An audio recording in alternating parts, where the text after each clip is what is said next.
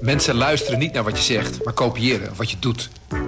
Onze vitaliteitsexpert Martin Hersman helpt je te focussen op wat echt belangrijk is. Beluister en bekijk Martin of een van onze andere experts op businesswise.nl. Businesswise, het nieuwe platform voor iedereen met ambitie. Dit is de podcast Politiek Dichtbij. Met Tobias den Hartog en Thomas Brouwer. Wat is het plan B van Piet Adema? De minister wilde daar deze week tijdens het landbouwdebat maar weinig over kwijt. Tot frustratie van de oppositie die meer duidelijkheid wil. Eind september presenteert de minister een eigen plan, maar gaat Adema daar deze zomer dan toch nog over in gesprek met de boeren? En de Kamer trekt voorlopig de stekker uit de parlementaire enquête over het coronabeleid. Betekent dit uitstel ook afstel? Of moeten Rutte en de jongen uiteindelijk toch nog opdraven voor een openbaar verhoor? Dat en meer bespreek ik met Tobias den Hartog en Niels Klaassen. Ja jongens, er werd uh, veel gebeld voorafgaand aan deze opname. Wat, waar zijn jullie allemaal zo druk mee? Nou ja, kijk, werkelijk heb je de ministerraadvergadering. En die uh, eindigt dan uh, zo ergens halverwege de middag of zo. Maar nu zijn ze al om half twaalf waren ze al klaar. Ik denk dat het een kwartiertje heeft geduurd of zo. Ja. Ja, dat heeft alles mee te maken dat morgen die uh, Katie Coty, uh, uh, Kitty Coty-viering is. En ja, allerlei ministers vliegen naar de West om, om aanwezig te zijn. Niels, je hebt je prijs bij. Zet hem maar op tafel. Ja, daar is die. Ik neem hem overal mee naartoe. Dank. De grote podcastprijs van Niels Klaassen. Ja hoor, de luizende pijls heb je gekregen voor Klopt. je podcastserie OO de Mos. Ja, en dat is een, ja, de Mos, dat is een gift that keeps on giving, hè? Nou ja, met plotwendingen die eigenlijk niemand kon bevroeden. Zelfs niet mensen die zichzelf als expert aanhalingstekens bestempelen. Want want uh, ja, hoge beroep in die corruptiezaak loopt. Hè, want daar hebben we het over. Richard de Mos, van corruptieverdachte ex-wethouder. Hoge beroep gaat door, dat had niemand verwacht. Die vrijspraak die hij kreeg, die had niemand zien aankomen. En nu kan hij ook weer gaan terugtreden tot het eh, college van Den Haag. Want gisteren is die coalitie daar uh, geklapt. VVD wil niet door, dus er zijn wel weer mogelijkheden dat de Mos straks weer gewoon in de raad komt. Ja, hij zit in de gemeenteraad, zit hij al. Hij is raadslid. En dat mag gewoon, ook met een strafblad. Dus wat er ook gebeurt, dat kun je altijd blijven. Maar hij wil wethouder worden. En dat is zijn heilige missie weer opnieuw wethouder worden. Zijn baan wil hij terug. En uh, ja, die route wordt nu verkend. Ja, daar gaan we ongetwijfeld uh, meer over horen. Uh, misschien ook wel in een nieuwe aflevering ja, uh, altijd goed om een cliffhanger te hebben, maar uh, zijn er wel serieus over aan het denken. Ja. Wordt onderhandeld. Ja, als we het dan toch over spannende dingen hebben, Tobias. Het was deze week ook heel spannend weer in Den Haag. Er stonden gewoon weer boeren. Ja, dat was even een tijdje geleden. Ja, het waren er niet heel veel hoor, moet ik zeggen. Maar uh, toen ik aankwam, drie ME-busjes werden hekken neergezet. Die werden dan weer weggehaald. Het is altijd een beetje gedoe, wie gaat waar lopen en zo. Ik zag vrolijke knapen met klompen en ook wat minder vrolijke knapen met, met, met klompen rond het gebouw. Ja, het begon allemaal een beetje grimmig, hè, voorafgaand aan het debat. Want in die avond daarvoor werden ineens de telefoonnummers van uh, CDA'ers gedeeld. Uh, dat kwam in een bericht van Mark van Oeven van Farmers Defence Force. Kwam het voorbij. Zou het zijn, hè? want hij ontkent dat zelf. Hij ontkent dat zelf, ja. Zijn gezicht stond erbij. Nou ja, goed, dat kun je misschien maar moeilijk achterhalen. Maar het signaal was, uh, morgen in het landbouwdebat gaan wij ook niet ons zin krijgen. Dus zet die CDA'ers onder druk. En, en daar sprak iedereen schande van. De voorman van Farmers Defence Force die zegt, ik heb dit, die nummers niet op Twitter gezet. En ja, je mag mensen bellen. Dit is intimiderend. En dat weet hij donders goed. De kern hier is dat er telefoonnummers van Kamerleden op internet worden geplaatst. Die worden nu plat gebeld, uh, vreselijke sms'jes, noem maar op. Dat is pure intimidatie. Je mag van mij in Nederland allemaal met elkaar over dingen oneens zijn. Maar je gedraagt je fatsoenlijk en respectvol. Ik vind dit ontzettend laf. Um, en dit moet echt stoppen. Ja, Mark Rutte heeft er geen goed woord uh, voor over. Nee. Hoe stop je dit nou? Want dat, dat wil hij. Dit ja, moet stoppen. Dit moet stoppen. Ja, nou, enerzijds kun je dat wettelijk gezien wel een klein beetje doen. Althans, dat heet doxing. Hè? Dus het openbaar maken van gegevens. Bijvoorbeeld uh, huisadres, telefoonnummers, foto's van bijvoorbeeld politieagenten, politici. Daar ligt ook een wet tegen in de Eerste Kamer. Die moet nog behandeld worden. Die zal er doorheen komen. Ja, dan heb je een soort van uh, strafrechtelijk kader om daar tegenop te treden. Maar Rutte zei ook ergens in dit, dat zit niet in het fragment, maar in hetzelfde gesprek. En daar kan ik wel een beetje in mee van ja, je kan alles wel wettelijk dichtsmeren, maar het begint gewoon bij gezond verstand. En ja, je mag iemand bellen, en dat is waar. Maar ja, dit, dit is natuurlijk wel wat anders dan uh, een CDA bellen en zeggen van jullie zijn zo ontzettend goed bezig bij die partijen. Dat is natuurlijk onzin. Dus toen we een beetje denken ook aan die pest- en, en intimideeracties in die coronatijd, ja. had je ook wel van dit soort uh, online berichten, hè, uh, soms door de kritische hoek verspreid. En met uh, adressen van uh, bijvoorbeeld uh, adviseurs, hè, huisadressen zelfs. ik weet nog van één OMT-lid, ja, dan heb je dus gewoon een probleem. Want ja. staat je huisadres ergens in een telegramgroep. Ja, ja dan komt, moet de politie met een hockey komen. Ja, je, je smeert het niet helemaal dicht, maar ver, vervelend is het zeker. De spanning zat er dus al flink op. En toen moest het landbouwdebat nog beginnen. Daar gaan we het straks uitgebreid over hebben. Maar er was meer nieuws deze week. Opmerkelijk nieuws uit Den Haag. Want de parlementaire enquête naar de aanpak van de coronacrisis wordt op de lange baan geschoven. Wat heeft de Kamer vandaag besloten om dat onderzoek, die parlementaire enquête naar wat daar gebeurd is, op de lange baan te schuiven? Alleen PVV, FVD, Groep van Haga en fractie Den Haan... die zagen het nog zitten om iemand af te vaardigen voor die commissie. En daardoor zag Kamervoorzitter Bergkamp het niet meer zitten om er nog mee door te gaan. Waarom levert D66 niemand? Nou, ik denk dat uh, de vraag is of die parlementaire enquête het goede middel is om dit te onderzoeken. We hebben die uh, OVV-onderzoeken uh, gezien. En er zijn ook stevige debatten naar aanleiding daarvan gevolgd.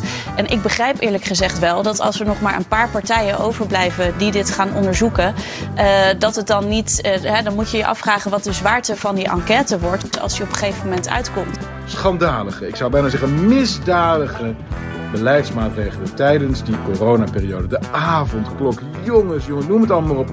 Allemaal willen ze dus niet meer hebben. De parlementaire enquête wordt op de lange baan geschoven. Dit is schandalig.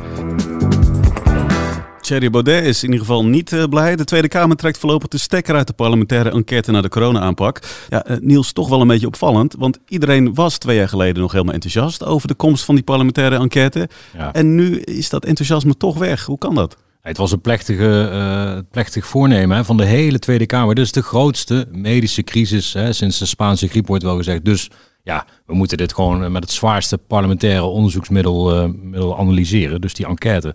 Was eigenlijk geen twijfelgeval voor niemand. Maar ja, wat er daarna gebeurde is eigenlijk een, ja, een chronologie van, ja, je zou kunnen zeggen, uh, mislukking, sabotage hier en daar. ongemak, onvrede um, over dat hele proces. En eigenlijk al vanaf dag één. Uh, en dat heeft gewoon te maken met de politieke kleur in die commissie. En de, de, grote verdeeldheid die er is tussen partijen over het probleem. Kijk, normaal bij een parlementaire enquête heb je best wel grote overeenstemming over wat je aan het doen bent. Hè. De gaswinning in Groningen, iedereen ziet ongeveer wat daar gebeurt. Is decennia lang gaswinning, veel miljarden verdiend. Maar er is heel veel misgegaan. Hoe is dat gebeurd? Hè? Even als voorbeeld. Bij corona begint dat al heel, heel anders. Want er zitten twee, drie partijen in zo'n commissie die zeggen, nou, is dit wel een crisis? Is het niet veroorzaakt door, uh, door een, een, wereldwijd netwerk van uh, politici met kwade bedoelingen? Anderen zeggen, joh, we hebben veel te weinig gedaan. Dus het begint al helemaal verkeerd eigenlijk. Ja, dus die basis, zeg maar, wat gaan we eigenlijk onderzoeken? Daar, daar zijn de partijen het al niet over eens. En dan wordt het wel een lastig onderzoek natuurlijk. Ja, en dat hebben wij ook begrepen. Met verschillende betrokkenen gesproken voor een terugblik deze week. Iedereen vindt het een vrij gênante vertoning ook. Want uiteindelijk, dat beseften ze zelf natuurlijk ook, die verdeeldheid is er. Maar ja, aan de andere kant, wij moeten ook gewoon uh, de sceptische geluiden in onze commissie hebben. Die zijn er in de samenleving ook, hè? dat is evident. Dus laten we dat gewoon proberen. Kadisha Ariep was de voorzitter van die eerste voorbereidende commissie. En gek genoeg, de mensen die in die commissie zitten, zeggen eigenlijk zonder uitzondering, het ging binnen de muren gewoon wel goed. Tuurlijk heeft Pepijn van Houwelingen van Forum voor Democratie een andere mening over vaccinaties en mondkapjes dan, uh, ik noem maar wat, uh, uh, Hilde Palland van het CDA. Maar uiteindelijk hebben ze met een soort vorm van pacificatie, hè, we zijn het, we agree to disagree, hebben ze een soort vorm gevonden om maar gewoon wel die onderzoeksvragen op, op een rij te zetten. Wat ging er mis? Zijn de grondrechten niet te veel beperkt? Hebben we het, het goede op het juiste moment gedaan? Dus die voorbereidende commissie was op zich best tevreden over zijn werk. Dus die leverde dat pakketje af. Maar ja, toen kwam het bij de andere Kamerleden op het bureau en die dachten echt van, mm, wat moeten we hier nou mee? Ja, ook omdat het dus volgens sommige Kamerleden wel heel erg was, wat ging er mis? En hebben we niet te veel gedaan in plaats van de vraag, hebben we niet te weinig gedaan? Ja, dus die balans die ze die de voorbereidende commissie hoopte te, te bereiken tussen coronacritisch en, uh, en zeg maar de, de linkerflank. Dus uh, je kunt ook populair zeggen wappie rechts en, en voorzichtig links. Ze dachten dat ze die balans hadden, maar andere partijen keken nog eens goed naar die onderzoeksvragen. Zien bijvoorbeeld dat long covid, een groot onderwerp nu, hè, naar schatting 300 tot 400.000 Nederlanders hebben last van langdurige coronaklachten. Ja, is slechts, die term valt slechts één keer in het onderzoeksvoorstel. Terwijl uh, inperking grondrechten zo ongeveer 30 keer valt. Uh, om aan te geven, die balans tussen wat gaan we nou wel onderzoeken en wat niet, vinden die andere Kamerleden vinden die, uh, vinden die niet, niet goed terug. Ja, en dan wordt het een ja, clusterfuck, zoals een van de politici het noemde. Want ja, dan heb je dus een commissie waar de balans een beetje zoek is. Hè? Je hebt andere partijen die zeggen, ja, het is wel heel veel werk. Drie jaar lang duurt zo'n commissie. Dan ben ik drie jaar lang mijn Kamerlid kwijt. Er zijn al niet zoveel grote partijen. En Ja, toen begon men de handen ervan af te trekken. Ja, de een naar de ander uh, stapte dan uit. Dan heb je eigenlijk alleen nog maar Forum die door wil, P uh, ja. de PVV, uh, Groep van ja. Haga en Groep De Haan. fractie Den Haan, ja. ja. klopt. En ja, dat was ook een beetje zo we begrepen. uiteindelijk presidium, dat is zeg maar dagelijks bestuur van de Tweede Kamer, die regelt dit soort dingen.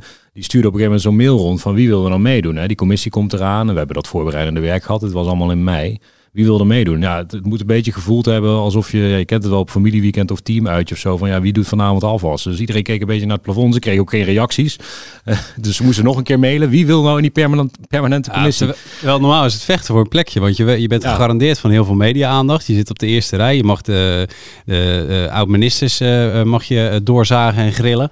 Ja, normaal is dat een, een soort erebaantje. Er wordt, er wordt om geknokt. Kijk, het kost veel tijd en deze heel erg, maar dan nog. Ja. En nu is er geen, geen handjes omhoog. En, nu de uitweg die ze gevonden hebben voor zichzelf. Uh, de mensen in die voorbereidende commissie spreken trouwens van uh, sabotage en een dealtje van de coalitie. Maar de uitweg die de partijen hebben gevonden is oké. wij willen echt heus wel dat er een parlementaire enquête naar corona komt. Nog steeds. Maar niet op deze manier. Niet zo uitvoerig. En niet voordat het laatste onderzoek van de Onderzoeksraad voor Veiligheid naar corona klaar is. Ja, daar kan de meerderheid zich dan wel in vinden. Van oké, dus daar komt de OVV met zijn derde rapport. Dan hebben we alle externe analyses.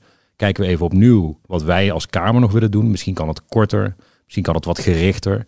En wat ze niet hardop durven te zeggen. Misschien kan het met wat minder wappie rechtsgeluid. Mm Maar ze zullen dan opnieuw die opdracht moeten aannemen. Want dit is natuurlijk gewoon een gênante vertoning. Ook, ook richting uh, de Nederlanders die gewoon willen horen van, oh, in een verhoor van Hugo de Jonge, Jaap van Dissel, Mark Rutte straks. Ja, wat heb je gedaan? Heb je het goede gedaan op het juiste moment? Dat, ja, dat verdient zo'n crisis wel. Ja, maar verwacht jij nog dat die van Dissel, Rutte, de Jonge straks inderdaad nog uh, openbaar worden verhoord? Wordt deze voorspelling opgenomen? Zeker. Oh.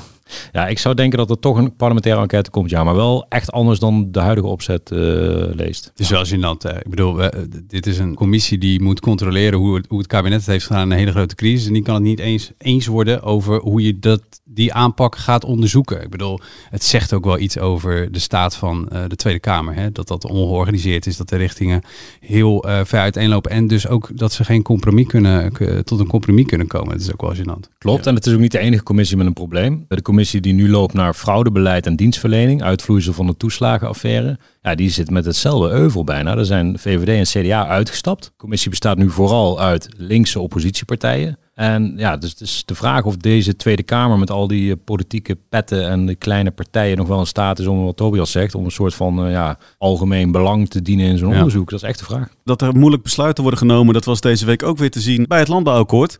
Deze week werd er namelijk gedebatteerd over dat landbouwakkoord. Dat niet doorgaat nadat boerenorganisatie LTO vorige week besloot niet verder te onderhandelen. En dat, uh, dat ging er niet al te vriendelijk aan toe. Voorzitter, wat een pijnlijke situatie om wederom over hetzelfde te debatteren zonder echt stappen vooruit te maken. Ik vind het besluit van de partijen die van tafel liepen heel logisch. Beter geen akkoord tekenen dan een slecht akkoord tekenen. Nu is het aan deze minister en nu zegt hij toch... nee, maar we gaan toch eigenlijk nog een akkoord sluiten. Nee. Onbegrijpelijk en ook niet acceptabel. Laten we dat nou zorgvuldig doen om ervoor te zorgen dat we ook met plannen komen die nog op enig draagvlak kunnen rekenen. Zodat straks niet uh, Den Haag weer vol staat met trekkers. Maar dat we proberen om door te gaan een klein beetje vanuit de structuur die we nou met elkaar hebben. Na het klappen van het landbouwakkoord ligt de bal dus bij landbouwminister Adema. Die zei vorige week dat hij voor 95% toch wel een plan had. Wilde die eigenlijk deze week maar weinig over vertellen? Ja, nou, dit is een beetje een, een verwarrende discussie. Er was, een, er was inderdaad een akkoord. Op 95% zou dat, uh, uh, zou dat uh, klaar zijn. LTO stapte eruit. Maar wat de linkse partijen al een tijdje geleden aan hem hebben gevraagd. En Adema hebben gevraagd van joh, werk nou ook aan een plan B als dit mislukt. Dan heb je iets om op terug te vallen. Nou, Adema was daar gisteren in het debat heel onduidelijk over of er überhaupt wel een plan B was. Dat lijkt er dus helemaal niet te zijn. Het was in ieder geval niet iets waarvan hij kon zeggen: Oh ja, maar hier, kijk eens, in mijn tas zit het nog. Dus wat overblijft op de zeef is eigenlijk gewoon ja, de blauwdruk van het akkoord waar uh, LTO nee tegen heeft gezegd. En dat neemt hij nu ter hand om uh, in september dan met ja, een plan te komen dat daar heel veel op lijkt. En die laatste 5% erin. Ja, en hij hoopt dus op een of andere manier om, uh, om LTO te verleiden. Daar toch nog draagvlak aan te verlenen. Hè? Enig draagvlak, zegt hij net in het fragment. Nou, dat klinkt wel heel dun. Maar dat is wel zijn, wel zijn hoop. Wat wel opvallend is, hè, eh, Adema was vorige week redelijk stellig. LTO heeft de kans gehad, nu ga ik het zelf Ja, doen. was een en beetje boos En er hè? worden geen cadeautjes meer gegeven. Ja. Daar leek hij deze week wel een beetje van terug te krabbelen. Hè. Er wordt toch misschien nog wel gesproken met de boeren. Ja, zeker wel. En, en je hoort ook de andere partijen zeggen van ja, je kan ze niet gaan straffen omdat ze dit niet wilden. Hè? Dus je, moet, je kan dan niet die laatste 5% heel vervelend maken. Niet alle partijen vinden dat. Nee, ik niet heb al- de PvdA bijvoorbeeld gehoord. Die zei, kan er niet een miljardje nog af? eh, Ja, zeker. Nee, ja, links staat hier echt, eh, echt recht tegenover rechts. En Adema zit daar ergens, eh, zit er ergens tussenin. Dus eh, het is een beetje schipperen, maar die boze toon van vorige week, die is wel verdwenen. Het is nog steeds, ja, hij beseft ook, als ik met een akkoord kom wat niet gepruimd wordt, ja, dan staan er weer heel veel boeren voor de deur. Zijn we niks opgeschoten. Dus ja, er moet wel degelijk iets komen waarvan ja, mensen ook binnen LTO, hè, want dat is ook een verdeelde club, van zeggen, ja, hier- ja waarom zouden we hier nou nee tegen zeggen? Hè? Er is nu geld, er zijn nu plannen, eh, eh, dan moet het maar. Hè? En dat is zijn hoop. Hij heeft nu gezegd, na de zomer dan kom ik met een plan, Niels. Dat is weer uitstel dus. Ja, dat is weer uitstel. En, en hij gaf zo ook een beetje toe, volgens mij, dat hij eh, echt wel bleef doorpraten inderdaad met alle belanghebbenden. Ja. Dus het lijkt wel of het landbouwakkoord eh, straks alsnog op een andere manier, zonder een grote overlegtafel, maar in de wandelgangen tot stand moet komen. We zagen volgens mij van de week ook weer die boeren voormannen door de Ja, Kamer. Sjaak eh, van der Tak stieven. was overal koffie aan het drinken. Sjaak van Ja. der Tak Ja, liep in de Tweede de Kamer. tribune, Eh, hij. die, die, de voorman van de jonge boeren liep in de Tweede Kamer. Nou ja, je kunt... eh, Ze zijn er officieel niet uitgekomen, maar Ja. achter de schermen wordt er gewoon doorgepraat. Ja, maar je wil inderdaad niet een soort voldongen feit presenteren waar niemand straks eh, ja tegen kan zeggen. Dus het, ja, je kan eh, het kabinet wel van een poldertafel afhalen, maar je haalt de polder niet uit het kabinet, zou ik zeggen. Dus het blijft gewoon eh, babbelen, praten, totdat iedereen het zo'n beetje eens is. Hey, en Niels, jij bent onze CDA-watcher bij eh, de redactie. Wat zegt jouw CDA, jouw, jouw, jouw, jouw CDA-hart? Wat zegt hij hierover? Want ja, weten we nou al een klein beetje wat Hoekstra wil? Oh, wat Hoekstra wil. Ja, kijk, je kunt de CDA heel lang watchen en dan nog steeds niet altijd begrijpen wat de kopstukken zeggen. En zeker bij het CDA. Ik heb wel eens het idee dat ze daar ook van die geheime cursussen hebben. Weet je wel? Voor eh, belangrijke mensen binnen die partij. CDA, eh, cursus eh, CDA Speak. Ja, ja, vaagtaal. Ja, vaagtaal. dat je denkt van Ja. jongens, we gaan even vandaag ons best doen om iets te zeggen waar mensen heel lang over moeten nadenken. We zijn eh, eh, geconfronteerd met een nieuwe realiteit. Dat, dat zeer tegen de zin van het kabinet, ook zeer tegen de zin van het CDA en, en, en mij persoonlijk, het niet gelukt is om eruit te komen. eh, nadat we daar natuurlijk maanden met elkaar in overleg zijn geweest. Dus dat betekent dat we als kabinet wel door moeten. Dat we daarnaast natuurlijk als CDA door willen met, eh, met die stikstofwens. eh, maar dat dat geen zin heeft om dat nu voor de muziek uit te doen. Ik denk nog langer, nog langer onduidelijkheid dus voor boeren. Ja, en die, die hadden we natuurlijk heel graag eh, willen geven via het landbouwakkoord. Daar was de inzet ook op gericht geweest. Om, eh, om dat met de sector samen te doen. eh, met alle partijen. Want daar zaten eh, jonge boeren aan tafel. Daar zat LTO aan tafel. Daar zaten natuurorganisaties aan tafel. Dat is natuurlijk hoe we dat in Nederland altijd proberen te doen. En, en daarom vind ik dat ook zo jammer dat dat niet gelukt is. Dit is wel een beetje, meneer Hoekstra, wat heeft u besloten? Nou, het was een rode kamer, er was groen tapijt. eh, ja, Cor was er, eh, Hans was er, eh, Ja. was er. En we, toen hebben we eh, koffie gedronken. En, ja, maar wat heb je nou besloten? Ja. Maar dit Ja. is volgens jullie typisch CDA. Nou, dit soort, ik dit soort wel, om nou, het antwoord heen zeggen, draaien. Sjaak van der Tak bijvoorbeeld, eh, die heeft Ook op zijn CDA? eigen manier weer zijn Sjaak Speak. Sjaak Spraak werd dat volgens mij genoemd in Westland. Maar ja, vroeger Ruud Lubbers, eh, collega Jan Hoedeman, die heeft het zelf nog meegemaakt. Die zegt dat was ook een, eh, Ja. vaak een ramp. Kijk, uiteindelijk is het de redeneerlijn van het CDA best wel te volgen hoor. Want zij hebben al sinds vorig jaar zomer gezegd, we willen van die stikstofdeadline af.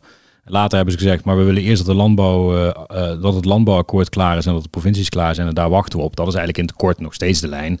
Alleen ja, het CDA is wel eh, een partij in problemen. Hè. Dus je, je snapt ook wel dat Hoekstra zelf ligt ook onder vuur. Dat die, ja, het is gewoon geen fijn onderwerp. De bal is niet hun kant op gekomen. Ze hadden gewoon gehoopt dit voorjaar, voordat ze op vakantie gingen, hè, in, in de tas mee te kunnen nemen. Provinciale akkoorden en een landbouwakkoord. En dat zij eigenlijk geen robbertje meer hoefden te vechten binnen het kabinet. Dat was plan A voor het CDA. Ja, plan A is uit zicht nu. De hitte rond Hoekstra wordt ook alleen maar, eh, loopt ook alleen maar op. Ja, we hebben er natuurlijk vorige week hier al eh, uitgebreid over eh, gesproken. Als je dat nog wil eh, luisteren, kijk vooral even de, luister vooral even de aflevering van vorige week terug.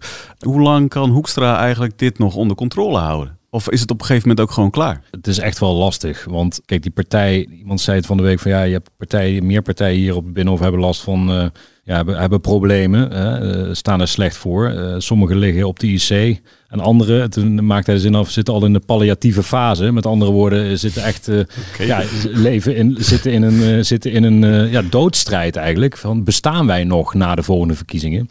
Ja, dat is bij het CDA nu een vraag. Dat was natuurlijk nooit een vraag voor die partij. Die was eh, vroeger heel groot en eh, bestuurde altijd. Ja, zij moeten nu zien, zien BBB opkomen. En ze, zij, zij houden serieus rekening met echt een verdere ja, inkrimping in die Tweede Kamer. Overleven ze dat? Ja, en dat vertaalt zich altijd in kritiek op de leider, ook binnen die partij. Dus afdeling bijvoorbeeld, afdeling Limburg had vorige week een, eh, een vergadering en dan ging het over, eh, ja, we moeten maar eens een werkgroep starten eh, hoe onze toekomst eruit ziet. Binnen of buiten het CDA. Nou ja, dat hoor je ook zelden. Een mogelijke afsplitsing Ja, dan. dat hoor je ook zelden. En nu is dan de eis gekomen, nou dan wordt dat daarna een beetje zo zalvend opgelost. Maar nu is dan de eis gekomen dat de partijtop maar snel op bezoek moet komen naar de regio. Hè? Want er was natuurlijk beloofd dat de banden met de regio aangehaald werden door Hoekstra. Maar ja, Hoekstra, minister van Buitenlandse Zaken, eh, is... Die heeft een hele grote regio. Ja, die heeft Ja. heel veel regio te bezoeken en niet altijd in eigen land. Dus eh, ja, dat, dat zit eh, binnen die partij niet lekker. Probleem is alleen, wat is de oplossing? Kijk, je kunt zeggen, Hoekstra heeft nog geen verkiezingen voor ons geworden, eh, gewonnen. Dus eh, nou, hij, zei, hij moet moven. Hè? Dat kan je zeggen, dat wordt ook gezegd. Maar wat is je alternatief? Ja, wie dan? Ja, wie dan? En daar zijn ze echt niet over uit. We, we moeten zoeken naar onze eigen Caroline, eh, eh, onze eigen CDA-versie van Caroline hoor je dan. Dat nieuwe Kamerlid, eh, die we ook net besproken hebben in het uh, Eline Verder, ja. Eline Verder wordt dan genoemd. Dat is natuurlijk een totale, ja, zeg maar outsider in het CDA.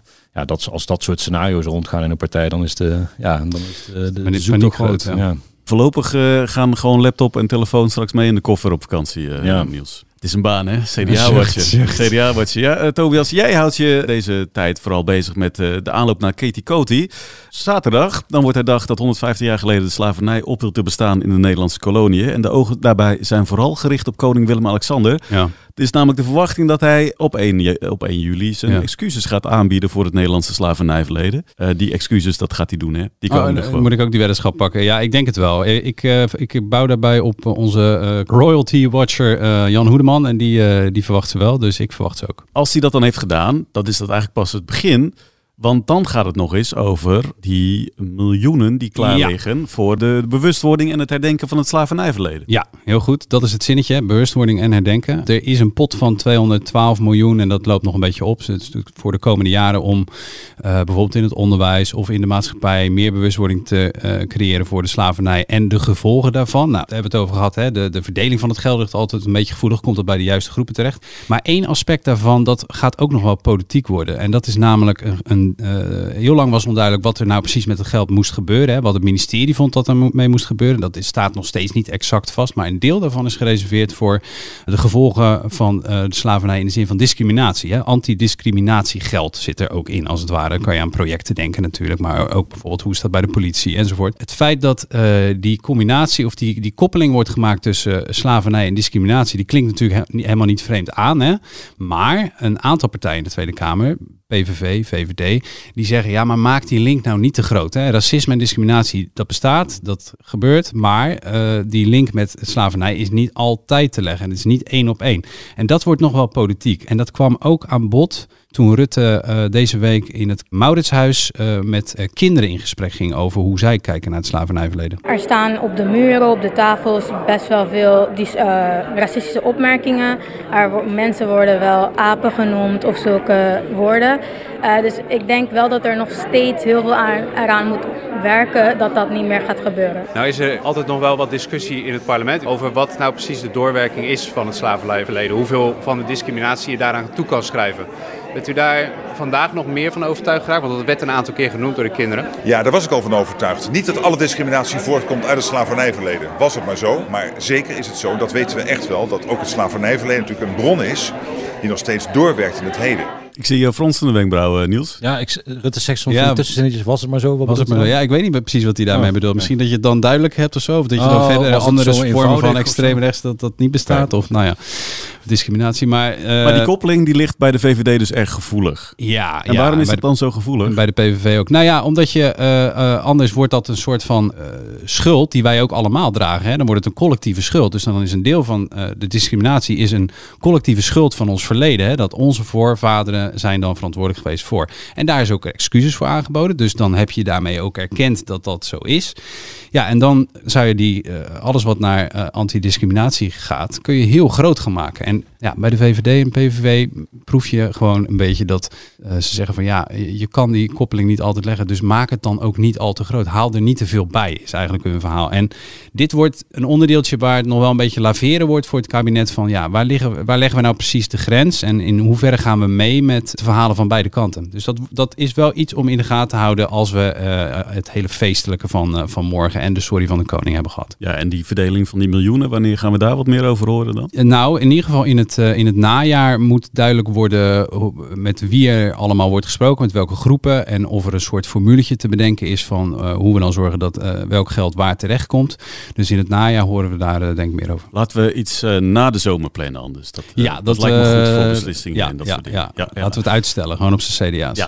Als we kijken naar volgende week, jongens. Nou ja, met, met stip op één is de asieldeal. Hè? Er is nog steeds in het kabinet gesprek over hoe gaan we de instroom beteugelen. Althans, dit zijn de woorden die je bij de VVD hoort. Bij eh, de andere partij, D66 en ChristenUnie, gaat het erover eh, het beheersbaar maken van asiel. Maar ook migratie in den brede. Wat doen we met kennismigranten, met arbeidsmigranten. Bij de VVD, en dat komt door eh, Rutte, die heeft zich gecommitteerd bij zijn eigen congres, bij, binnen zijn eigen partij van jongens, ik ga die instroom omlaag brengen. Ja, daar moet gewoon een pakketje komen, vindt die partij. En daar wordt nog eh, druk over onderhandeld. Ze zijn er ook nog niet. Eh, en ze denken er heel verschillend over. Dus dat wordt echt nog wel eh, tot en met vrijdag heel spannend, denk ik. Ja, iemand bij ChristenUnie omschreef het als het is hard tegen hard. Nou is dat, dan kun je dat op vele manieren uitleggen. Maar ze willen ook in ieder geval dat het opgelost wordt. Maar ook blijkbaar niet dat het oogt alsof het makkelijk was. Dus Nee, nee. ja, het is natuurlijk ook een wezenlijke discussie in, in het kabinet. Maar die instroom die is wel beperkt hè, dit jaar. Ja, er zit een enorme dip in de in- instroom waarvan niemand precies weet hoe dat is gekomen. En dat zie je Europees breed. Dus die aantallen zijn omlaag gegaan. Normaal gesproken zou je nu 1 juli, eind juni, zou je problemen hebben in Ter Apel. Hè, dat er weer mensen in het gras zouden moeten eh, slapen. Dat is nu niet het geval. Dus we zitten nog, zeg maar, tussen, eh, net houdbaar, zou eh, Erik van den Burg zeggen. Maar ja, eh, dat is niet. eh daar zijn geen garanties voor. Als het weer goed is en de Middellandse Zee is rustig en eh, de grenswachten al daar laten toch weer bootjes door, ja, dan kan dat aantal weer oplopen. Dus bij de VVD zeggen ze ja, er moet nu volgende week vrijdag echt iets liggen. En ja, eh, of dat echt lukt, ja, dat is de vraag. Want D66 en ChristenUnie zeggen ja, wij hebben geen deadline. Er is geen. eh, ja, jullie gaan met vakantie. Wij gaan met vakantie. We gaan met reces. Maar dat wil niet zeggen dat dat nou zo'n harde deadline is. Nee. Wat misschien ook volgende week nog komt, is de nieuwe minister van Onderwijs, toch? Zeker, een nieuwe Dennis Wiersma, ja. Jij weet al namen, Niels? Nou, ik had ineens een hele theorie. Want op de kamer van Sofie Hermans, fractieleider van de VVD, ligt één boek bijna bovenop de stapel. En de titel is Handboek Minister. Ja, dat lijkt me toch een serieus Dat lijkt me signaal. een 1-2'tje dan. Maar daar moesten we niks achter zoeken. Nee, toeval. Doorgevraagd, maar eh, dat was toeval. Dat lag er ook al eh, maanden, of, of misschien wel jaren. Van de voorganger nog. Ja. Dus eh Sofie Hermans eh, zou het dan niet worden? Wat, wat horen we? Ja, binnen de VVD zeggen ze dat niet. Eh, Hermans, die blijft eh, in de, bij, bij de fractie. Eh, ook niet een hele eh, heen en weer geschuif met ministers. Hè. Je zou bijvoorbeeld de ene minister van het ministerie naar een andere. Jezielke zou je van justitie kunnen afhalen en dan naar onderwijs bijvoorbeeld. Maar daarvan zeggen ze nee, dat, dat is hartstikke belangrijk ministerie voor ons ook. Dus ja, wat krijg je dan? Misschien een staatssecretaris die doorschuift. Mm. Christophe van der Maat van Defensie heb ik gehoord. Die zou dan door kunnen schuiven. Maar dit is allemaal zo speculatief. Hier moet je echt geen waarde aan echt. Als je eh, je geld eh, wil beleggen, doe dat dan niet op dit soort weddenschappen. Want het wordt dikwijls iemand die, eh, ja, die niet verwacht en dat je zegt, oh die. Een beetje saaiig vaak. En in dit geval ook wel goed waarschijnlijk, want één woede-uitbarsting in een ver verleden is al genoeg om eh, ongeschikt eh, ja, ik zou wel een krijgen. VOG vragen als ik, eh, als ik de VVD was. Ja. Kunnen we al fiches zetten op een nieuwe Haagse wethouder, Niels? Haagse wethouder, ja, Richard de Mos. Richard de Mos, hij En komt gewoon weer terug. Bernouy. Ja, denk ik wel. Dan zijn we aan het einde gekomen van deze podcast, Niels. De, de prijs mag weer in de tas. Jammer. Wees er voorzichtig mee.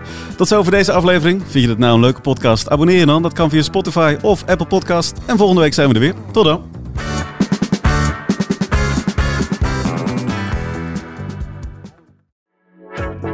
Mensen luisteren niet naar wat je zegt, maar kopiëren wat je doet. Onze vitaliteitsexpert Martin Hersman helpt je te focussen op wat echt belangrijk is. Beluister en bekijk Martin of een van onze andere experts op businesswise.nl. Businesswise, het nieuwe platform voor iedereen met ambitie.